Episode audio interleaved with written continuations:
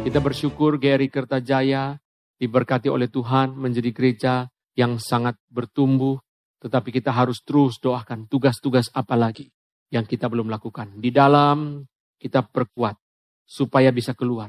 Saya berdoa kiranya Tuhan terus menyertai GRI Kertajaya menjadi gereja yang kuat. Seserah sekalian kita hari ini memasuki serah terima gembala sidang. Kita bersyukur kepada Tuhan untuk perjuangan pendeta Aiter selama delapan tahun ya, kalau saya tidak salah ya. Selama delapan tahun Pak Aiter berjuang di tengah-tengah saudara sekalian juga memegang GRI Citra Raya. Kita bersyukur untuk anugerah Tuhan yang Tuhan berikan kepada Pak Aiter dan keluarga. Sudah tiba saatnya Pak Aiter akan melayani di dalam pelayanan diatur oleh sinode untuk berkeliling sehingga pekerjaan Tuhan di tempat-tempat lain juga bisa diurus oleh Pak Aiter dengan lebih maksimal. Seserah sekalian kita bersyukur kepada Tuhan, Tuhan sudah mengirimkan kepada kita Pak Farlen. Pak Farlen ini sebelumnya melayani di GRI Graha ya. Lalu GRI Ngagel ya. Saya waktu bulan Januari 2022 sudah sampaikan kepada pengurus GRI Ngagel bahwa Vekaris Farlen dititipkan jadi memang kami menggumulkan pelayanan di Surabaya ini sudah panjang ya. Sejak dari saya masuk ke sinode itu sudah menggumulkan pelayanan ini. Tetapi mengambil keputusan sangat sulit. Sehingga secara digumulkan, ditimbang-timbang, diputuskan, kadang-kadang belum diumumkan, di cancel dulu. Secara sampai dengan keputusan ini tidak pendek. Jadi Pak Farlen saya sudah bilang kepada pengurus Gary Ngagel, sejak Januari 2022, waktu serah terima dari Pak Aludin kepada Payan. Saya bilang kepada pengurus, jangan lupa Pak Farlen ini dititipkan. Artinya sewaktu-waktu bisa diambil oleh sinode. Sehingga akhirnya secara kita sampai kepada keputusan ini, kita bersyukur Pak Farlen saat ini bisa menjadi wakil gembala. Secara jabatan di atas kertas adalah wakil gembala, karena di dalam GRI gembala harus pendeta. Tetapi secara de facto Pak Farlen adalah gembala saudara-saudara sekalian. Jadi saudara sementara ini Pak Farlen belum ditabiskan menjadi pendeta. Kita meminjam nama pendeta Ivan Kristiono sebagai gembala konsulen. Kenapa? Karena juga berhubungan dengan Logos. Jadi kalau Logos dan Kertajaya punya kegiatan bentur, nah penengahnya ada Pak Ivan ya. Tapi secara sekalian jangan berharap apa pun kepada Pak Ivan. Ini kalimat yang sama juga saya sampaikan ke Samarinda bulan lalu. Karena Vikaris William menjadi wakil gembala dan itu namanya secara bukan wakil gembala biasa. Jadi di GR ini secara tidak setiap orang wakil gembala itu adalah wakil gembala yang diproyeksikan menjadi gembala. Tidak setiap orang. Jadi secara jangan pikir sama, enggak. Pak William di Samarinda juga saya bilang kepada Samarinda, jangan berharap apa pun kepada Pak Ivan. Pak Ivan Kristiono sudah sangat overload. Jadi secara sekalian, karena itu secara jangan cari Pak Ivan. Oh Pak Ivan kan gembala konsulen kita, jangan cari Pak Ivan. Kalau Pak Ivan mau cari saudara, terserah dia. ya. Tapi saudara cari Pak Farlen. Kalau Pak Farlen perlu, baru dia kontak Pak Ivan. Kalau Pak Farlen tanya Pak Ivan, kok Ivan kalau ke Surabaya mampir ke Tajai bisa nggak? Oh bisa, bisa, bisa. Nah itu berarti bisa. Jadi saudara jangan berharap apa pun. Saya harus ngomong ini dengan terus terang. Karena kalau tidak saya disembelih sama Pak Ivan misalnya. Kamu sudah tahu saya udah nggak bisa apa-apa kamu persulit saya gitu. Karena saya yang minta pinjam nama dia. Jadi karena itu saya harus tanggung jawab menjelaskan kepada saudara bahwa gembala kita adalah Pak Farlen. Sekalipun secara di atas kertas aturan kita adalah wakil gembala. Karena itu sesuatu segala urusan gereja diputuskan dengan Pak Farlen. Jadi saudara tidak usah tunggu Pak Ivan, tidak usah. Juga Pak Ivan tidak usah dimasukin di grup WA, tidak usah. ya. Jadi saudara kalau masukin di grup WA nanti saudara berharap ya, tidak usah. Jadi secara itu Pak Ivan itu membantu kalau Pak Farlen perlu perlu bertanya. Karena secara kalau tidak diatur begitu, nanti Pak Farlen mau nyari siapa? Nyari Pak Anton sibuk, nyari Pak Cip sibuk, akhirnya nyari siapa? Nah maka dibikin cari Pak Ivan. Itu adalah cara kita sinode lakukan seperti itu. Tapi Pak Farlen bersama pengurus itu sudah mengatur seluruh gereja ini seperti seharusnya. Nah dengan penjelasan ini Bapak Ibu mengerti, berharap kalau Pak Farlen nanti ditabiskan menjadi pendeta, maka tugas Pak Ivan di Kertajaya selesai, Pak Farlen menjadi gembala sidang secara penuh. Mari kita bersama-sama dengan mendukung Pak Farlen bagaimana memikirkan pekerjaan Tuhan di Kertajaya ini sehingga bisa berkembang seperti yang sudah kita dengarkan di dalam khotbah. Saudara sekalian, pertama-tama di dalam prosesi upacara ini, kita akan menyaksikan gembala yang lama, pendeta Aiter akan menyerahkan mandat kembali kepada PIC Sinode. Penatua John Prawiro adalah perwakilan Badan Pengurus Sinode yang menaungi GRI Kertajaya akan menerima kembali mandat dari Pak Aiter. Saya persilakan, mari kita bersama-sama menyaksikan, kita bersyukur tugas dari Pak Aiter sudah selesai, dan diserahkan kembali kepada sinode. Selanjutnya Pak John Prawiro akan berdoa. Tuhan Bapa yang di surga, segala puji dan syukur kami naikkan di hadiratmu atas karya dan anugerahmu yang begitu ajaib di dalam kehidupan daripada gerejamu. Gerejamu yang penuh dengan dosa, kelemahan, dan cacat celah, tetapi yang telah ditebus bukan dengan barang yang fana, bukan pula dengan perak atau emas, tetapi dengan darah anak domba yang begitu mahal, yaitu darah daripada Kristus, anak Allah itu sendiri. Ya Tuhan, Engkau yang telah mengasihi, Engkau yang telah menjaga dan memelihara akan gerejamu, sehingga alam maut sekalipun tidak dapat menguasainya. Pada pagi hari ini Tuhan, kami umatmu, jemaat di Geri, Kertajaya, datang berkumpul bersama-sama untuk boleh menyaksikan sekali lagi akan pimpinan Tuhan, yaitu pemindahan tongkat estafet kepemimpinan, yaitu dari pendeta Aiter kepada Vikaris Farlen. Kami bersyukur atas pekerjaan Tuhan yang telah dimulai di tempat ini. Dan kami percaya bahwa Engkau akan meneruskannya sampai pada hari Engkau datang. Pada pagi hari ini Tuhan kami ingin menyerahkan akan gembala yang lama, yaitu pendeta Aiter. Kiranya Tuhan terus boleh memimpin dan menyertai akan kehidupan dan pelayanannya. Di mana pun Tuhan pimpin, bila engkau sendiri sertai akan keluarganya, dan engkau sendiri yang berikan kepada hambamu ini satu sukacita yang baru untuk boleh melayani tempat yang baru. Berkatilah akan hambamu ini Tuhan, dan bila engkau pakai dia dengan lebih heran untuk boleh memperluas akan kerajaanmu. Kami serahkan juga akan Vikaris Farlen dengan tugas yang baru sebagai gembala sidang di tempat ini. Pimpinlah, berikan hikmat dan bijaksana kepada hambamu ini. Dan dia boleh menggembalakan akan jemaat di tempat ini dengan satu pimpinan dan penyertaan dan kuasa daripada Tuhan sendiri. Terima kasih banyak Bapak atas waktu pada pagi hari ini, atas pimpinan penyertaanmu, dan kami serahkan gerejamu di tempat ini jemaat yang sudah dipercayakan oleh Tuhan, biarlah boleh terus, boleh bertumbuh di dalam pengenalan dan pimpinan akan penyertaan Tuhan. Terima kasih banyak Bapa, kami serahkan doa ini ke dalam tangan pengasihanmu. Di dalam nama Tuhan kami Yesus Kristus, Gembala Gereja, kami berdoa dan mengucap syukur. Amin. Kita bersyukur Tuhan sudah memimpin semua persiapan sampai hari ini.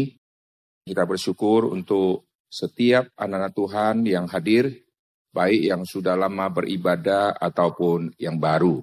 Dan baik yang menyaksikan di YouTube, harap ini menjadi satu peristiwa yang bersejarah karena pergantian hamba Tuhan berarti nanti akan terjadi pertumbuhan di depan. Amin.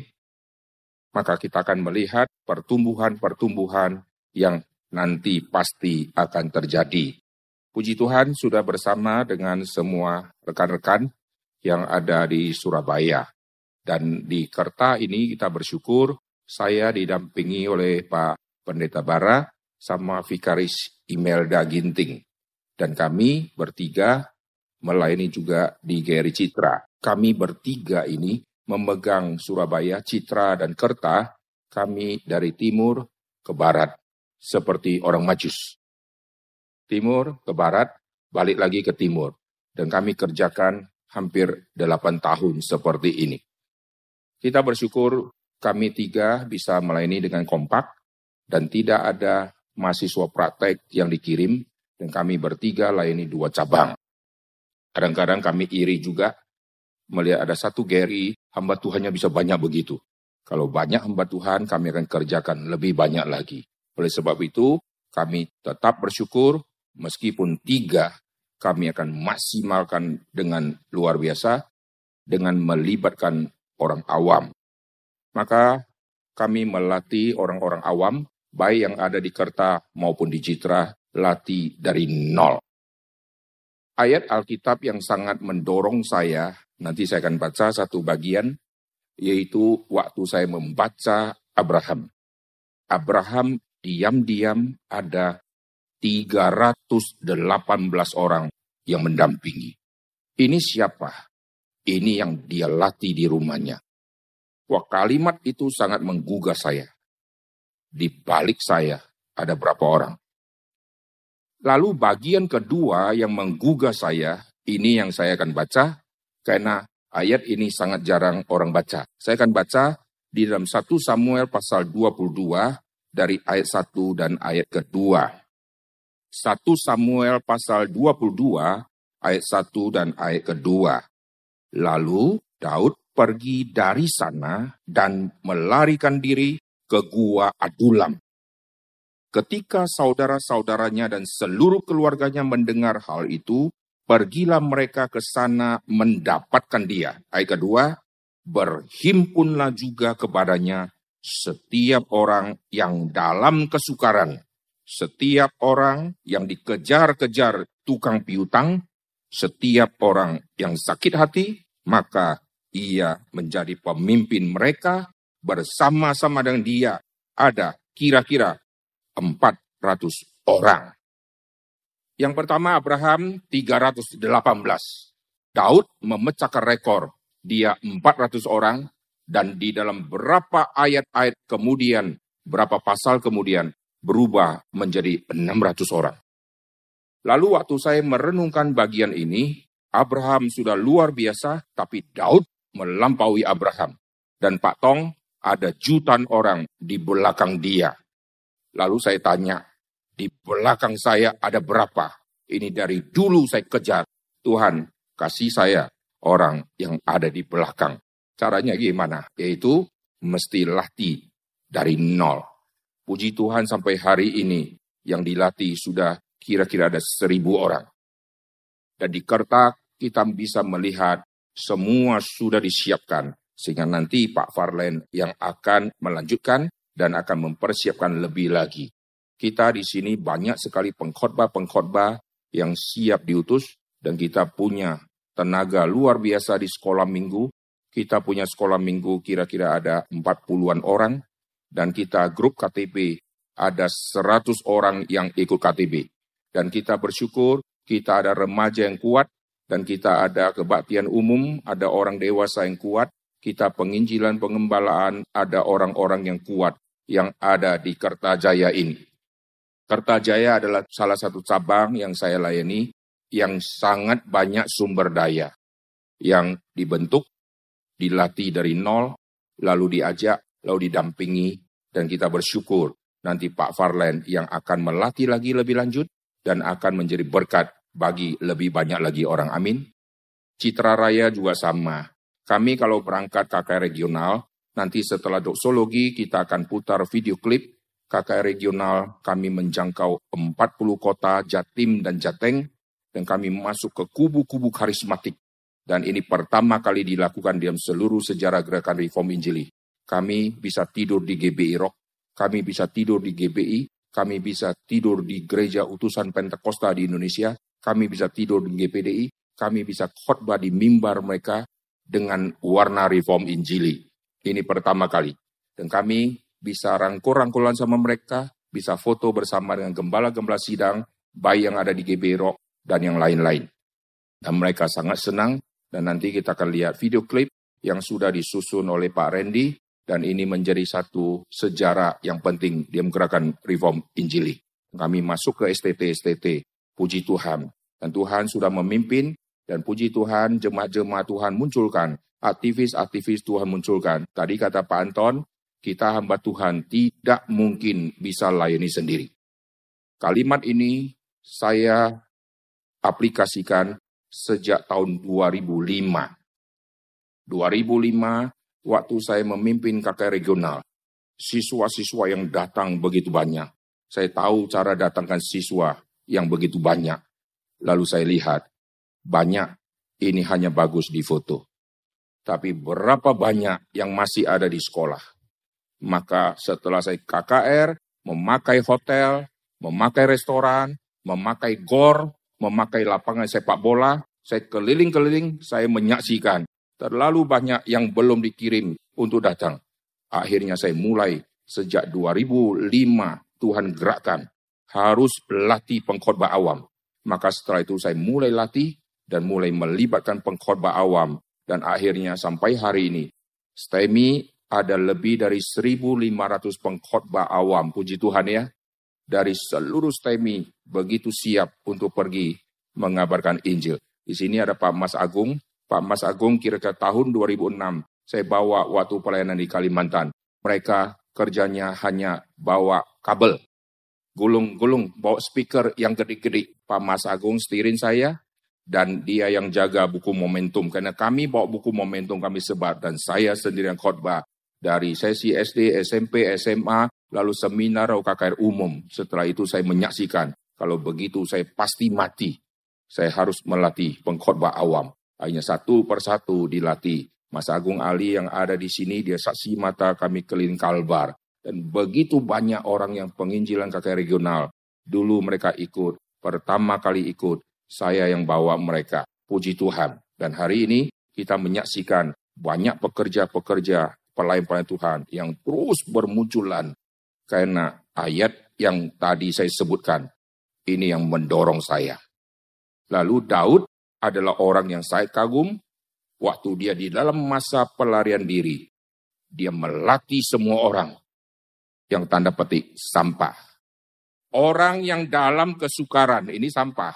Orang yang banyak hutang dikejar-kejar debt kolektor. Orang yang di dalam kesulitan yang begitu besar. Begitu ketemu sama Daud, Daud menjadi pemimpin mereka. Bukan pemimpin berandalan, tidak.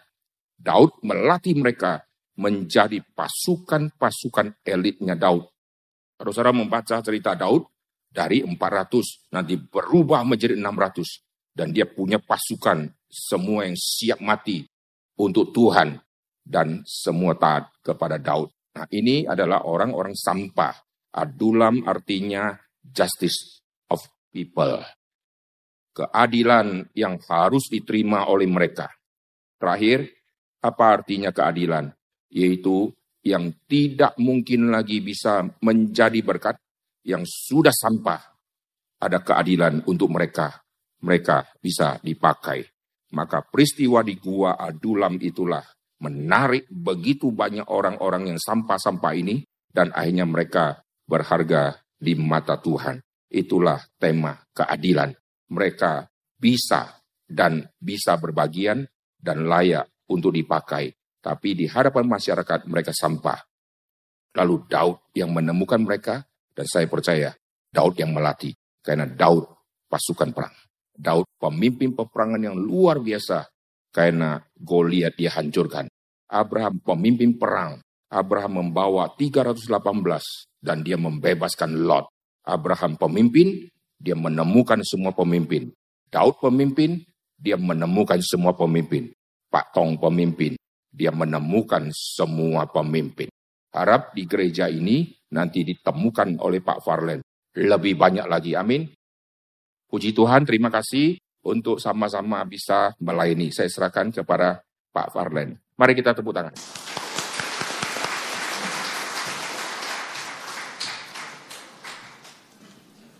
Selamat pagi jemaat Tuhan sekalian. Ya, saya sangat bersyukur kepada Tuhan pertama-tama bersyukur kepada Tuhan karena setiap kali ada kesempatan pelayanan yang Tuhan berikan, khususnya juga hari ini Tuhan boleh mempercayakan juga untuk bisa uh, menjadi wakil gembala di Geri Kerta. Saya selalu ingat satu ayat di dalam 1 Timotius 1 ayat yang ke-12. Paulus mengatakan bahwa Tuhan menganggap dia setia di dalam mengemban pelayanan yang Tuhan percayakan. Tuhan anggap setia. Berarti sebenarnya tidak setia, tapi Tuhan anggap setia. Seperti kita adalah orang-orang yang tidak benar, tetapi Tuhan anggap benar di dalam Kristus.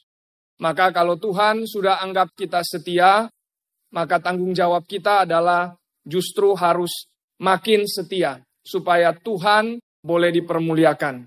Nah maka kiranya Bapak Ibu sekalian boleh mendoakan bagi kami para pemimpin jemaat, saya sebagai hamba Tuhan termasuk juga pengurus, penatua, diakan agar kami boleh setia di dalam menjalankan panggilan Tuhan yang Tuhan sudah percayakan kepada kami.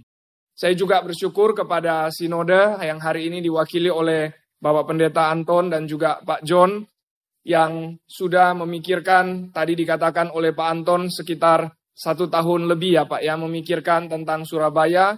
Memang saya sendiri mendapatkan informasi dari Pak Anton kira-kira satu bulan lalu untuk uh, berpindah dari Ngagel ke Kerta. Waktu itu memang cukup kaget, saya ada di Toraja.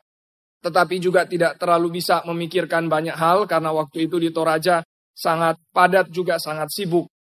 Tetapi meskipun keputusannya sangat mendadak, paling tidak bagi saya, mungkin juga bagi jemaat di tempat ini, tetapi saya percaya Tuhan juga sudah memimpin sinode, bersyukur untuk berterima kasih kepada Bapak Pendeta Stephen Tong juga dan juga para hamba Tuhan yang ada di dalam sinode yang sudah memikirkan apa yang terbaik bagi pekerjaan Tuhan. Semoga Tuhan juga boleh memakai kita di tempat ini untuk boleh menjalankan apa yang Tuhan sudah mandatkan melalui Sinode GRI di tempat ini. Kemudian juga saya bersyukur meskipun hari ini Pendeta Ivan tidak ada di tengah-tengah kita, tetapi meskipun tadi istilahnya uh, meminjam nama ya Pak ya, tetapi uh, meskipun jemaat tadi dibilang jangan berharap kepada Pendeta Ivan, tetapi saya berharap kepada pendeta Ivan begitu ya. Bersyukur memang di Logos uh, paling tidak sebulan sekali bisa bertemu dengan beliau dan ya saya berterima kasih juga Bapak Pendeta Ivan uh, mau berkenan juga untuk menjadi pembina atau istilahnya gembala konsulen di tempat ini. Saya juga bersyukur kepada Pendeta Aiter, Pendeta Bara, Vikaris Imelda yang sudah uh, memimpin sekitaran 8 tahun ya di uh, Kertajaya di tempat ini. Banyak hal yang tadi sudah dikatakan oleh Pak Aiter yang sudah disiapkan untuk kemudian ke depan pekerjaan Tuhan bisa lebih berkembang lagi. Kira-kira mungkin dua minggu lalu saya juga diajak untuk bertemu dengan uh, pengurus dan juga uh, penatua diakan di tempat ini untuk mempersiapkan atau untuk memperkenalkan pelayanan-pelayanan apa yang ada di Kertajaya. Ya, saya sangat bersyukur karena pendeta Aiter uh, dan tim sudah mempersiapkan, memuluskan jalan semua untuk pekerjaan Tuhan bisa lebih maju lagi ke depan. Semoga Tuhan pakai Pak Aiter, Pak Bara, Vikaris Imelda masih ada dengan kita bersama-sama di sini untuk bisa uh, lebih lagi melayani Tuhan. Saya juga uh, bersyukur kepada diaken, uh, penatua, pengurus yang mewakili jemaat yang boleh menyambut juga saya dan keluarga, istri untuk bisa um, bersama-sama juga melayani di tempat ini. Semoga kita boleh makin giat, boleh makin setia untuk melayani Tuhan. Ya terakhir mungkin dari saya adalah saya juga berdoa bahwa keberadaan kita di tempat ini sebagai satu gereja lokal, kita tidak melupakan atau kita tidak mengabaikan visi kerajaan Allah. Di Surabaya kita ada banyak cabang ya, ini satu-satunya kota yang cabangnya lebih dari satu yang ada di kota uh, di salah satu kota kecuali yang ada di Jakarta tentunya ya. Nah, maka biarlah kita boleh bersinergi, kita boleh berjuang bersama untuk membangun kota Surabaya yang Tuhan percayakan untuk kita berada di sini. Tetapi seperti tadi juga kata Pak Anton, bukan hanya kota Surabaya, tapi kita juga melihat kota-kota yang lain yang Tuhan uh, akan bukakan untuk Tuhan percayakan buat kita layani.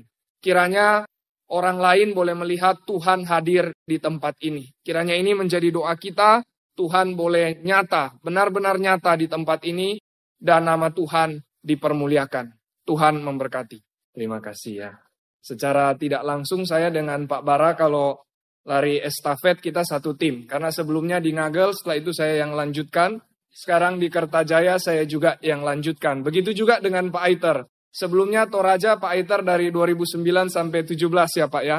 Kemudian saya dan Pak Aludin juga melanjutkan dari tahun 17 sampai sekarang tahun 2023. Jadi kita ini satu tim estafet. Tidak tahu ada berapa banyak orang di dalam tim ini ya. Tapi yang pasti Pak Aiter sudah memulai, Pak Bara sudah memulai, dan ya Tuhan boleh mempercayakan untuk saya boleh melanjutkannya. Setelah ini doa berkat akan dibawakan oleh hambanya Bapak Pendeta Aiter. Kiranya cinta kasih abadi dari Allah Tritunggal, cinta kasih dari Allah Bapa, cinta kasih dari Kristus Yesus Tuhan, dan cinta kasih dari Allah Roh Kudus, cinta kasih yang tidak berkesudahan, yang kita sudah terima, biar kita semua menyatakan cinta kasih Tuhan di hadapan Tuhan dan jemaatnya untuk lebih mengasihi Tuhan dan mengasihi sesama, untuk setiap kita mentunaikan tugas yang Tuhan berikan sampai Tuhan menjemput setiap kita untuk kembali ke dalam rumah Bapa. Kiranya cinta kasih Tuhan, anugerah Tuhan turun atas setiap kita dari hari ini sampai selama-lamanya. Amin.